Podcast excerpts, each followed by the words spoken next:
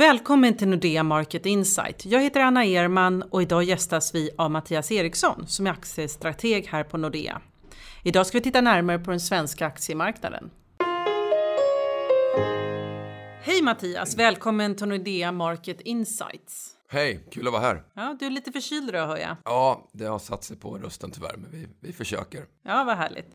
Du är inte bara aktiestrateg här på Nordea utan du har ju även aktier som hobby. När väcktes det där intresset egentligen? Det kommer ursprungligen från min pappa, eh, så jag är liksom uppväxt med aktier kan man säga. Men sen eh, kom det stora intresset från början under universitetstiden. Då satt jag väldigt mycket i, börsrummet. Jaha. Mer än i föreläsningssalen.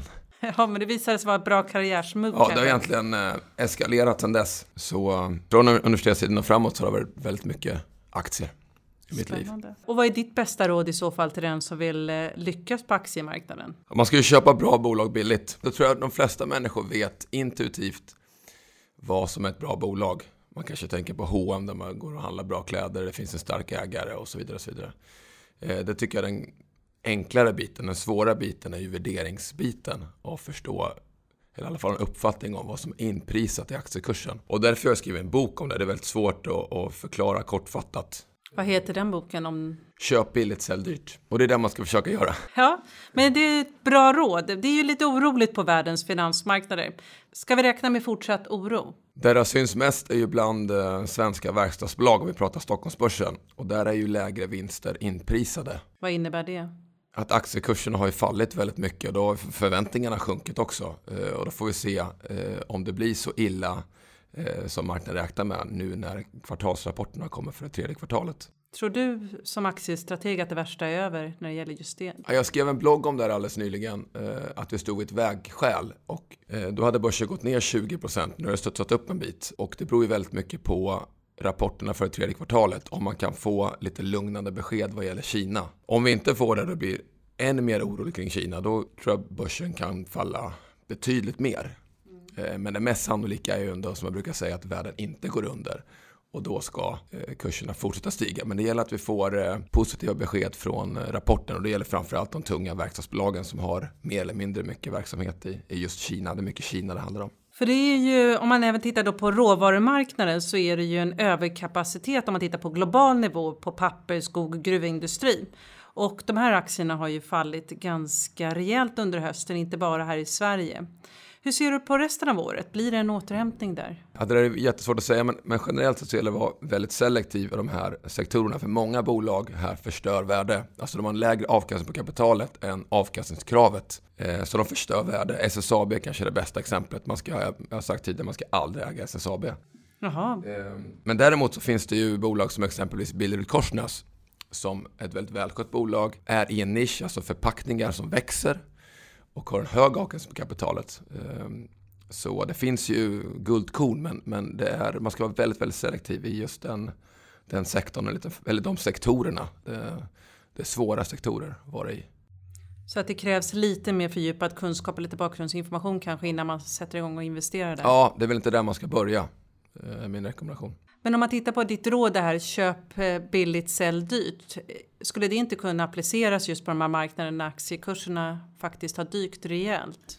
Jo, men det finns ju så kallade value traps, alltså bolag som ser billiga ut men som ska vara väldigt billiga. Jag tycker SSAB är bästa exemplet på Stockholmsbörsen. Kan man inte generera en, en, en bra avkastning på aktieägarnas eh, kapital så är det ingen aktie att, att äga över tid. Sen kan man gå in korta perioder och, och spekulera. Det är ju ingenting jag rekommenderar, men, men, men visst, det är klart att de aktierna eh, studsar upp från tid till annan. Men det där är ju väldigt svårt att tajma in. Så för en långsiktig investerare så är det bättre att köpa bra bolag och sen försöka göra de köpen när, när de bolagen är relativt lågt värderade, alltså billiga. Mm. Börsen har ju stigit under många, många år så det har varit fantastisk avkastning på kapital. Men just nu så ser det ju lite mörkare ut. Är aktier en dålig investering nu skulle du säga? Ja, jag tycker ju i princip eh, aldrig att aktier är en dålig investering. Jag är ju aktienörd, men eh, i alla fall inte om man har längre tidshorisont. Men man ska ju alltid ha en diversifierad portfölj, alltså både äga aktier och räntor. Och i vår övergripande strategi så, så ligger vi i en så kallad balanserad portfölj på 45% aktier.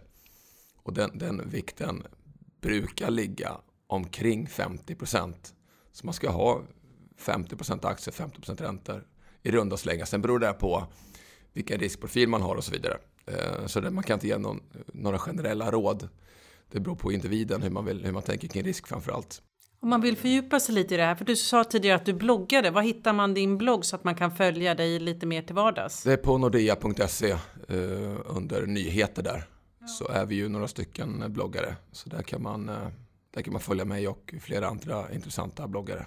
Mm, det är ju väldigt bra, för jag tänker om man nu vill balansera sin portfölj så kan det ju vara bra att titta, läsa lite mer om dina råd där. Ja, men inte ens jag som, som är och, som sagt aktienörd eh, har alla mina pengar i aktier, utan man ska ju ha en diversifiering. Det, det, är klokt. Så vad tror du om rapporterna för tredje kvartalet? Om man läser i de olika tidningarna idag så är det ju många som spekulerar i fortsatt oro att det kan innebära ännu mer kursfall. Vad tror du? Ja, som sagt mycket hänger på vad man tror om utvecklingen i Kina, hur det i så fall kan sprida sig till Europa och USA om det blir någon global lågkonjunktur. Det är inte vårt eh, huvudscenario. Eh, sen är förväntningarna kommer ner i takt med att aktiekursen har sjunkit så jag tycker förutsättningarna är ganska goda ändå. Men det blir ju eh, blir faktiskt en, en viktigare rapportsäsong än vanligt skulle jag säga just för att det har varit så himla mycket fokus på Kina. Det är svårt att få insyn i den ekonomin så det gäller att bolagen hjälper oss investerare att berätta hur det ser ut på marken. Det är ju väldigt många svenska bolag som har rätt mycket verksamhet i Kina som kan berätta lite mer om, om detaljerna där. Och förhoppningsvis då lugna ner aktiemarknaden. Men man ska komma ihåg att Kina är på väg mot en mer konsumtionsdriven ekonomi. Eh, men det här är ju en, en väldigt lång väg att gå. Så det kommer vara turbulent länge sannolikt. För det kan man väl då avsluta med att titta lite på Stockholmsbörsen. Uppgången har ju nästan helt raderats de senaste månaderna. Och eh, man brukar ju säga att kvartal fyra brukar sluta i dur. Tror du på dur nu inför årets avslut? Ja, om man ska tvingas välja så tror jag ändå att, eh, att vi får en, en börsuppgång under fjärde kvartalet. Det där är ju jättesvårt men det som talar för det är ju ändå att den globala ekonomin växer. Vår prognos är 3-3,5 procents global tillväxt i år och nästa år. Och med det som grund så bör bolagets vinster växa. Eh, och det är ju stöd till aktiekurserna. Det är ju det som över tiden eh, styr aktiekursen. Det, det är vinstutvecklingen. Eh, och där har vi ändå ganska bra förutsättningar. Dessutom har vi ju det där klassiska eh, att eh, räntan är så låg, det är inget alternativ. Sen är ju en ränta på noll bättre än minus 20 som börsen kan dratta ner med emellanåt. Så.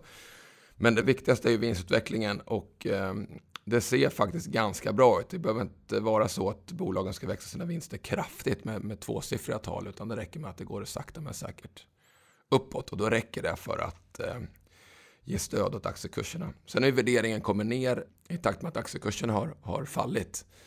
Och nu ligger vi på eh, en värdering, om vi kollar Stockholmsbörsen P tal på, på snittet de senaste fem åren. Så det är absolut ingen avskräckande värdering skulle jag säga. Utan nu gäller det att bolagen kommer med eh, någorlunda lugnande besked kring, kring Kina. Då kan det bli fart uppåt och sista kvartalet. Det är min förhoppning i alla fall.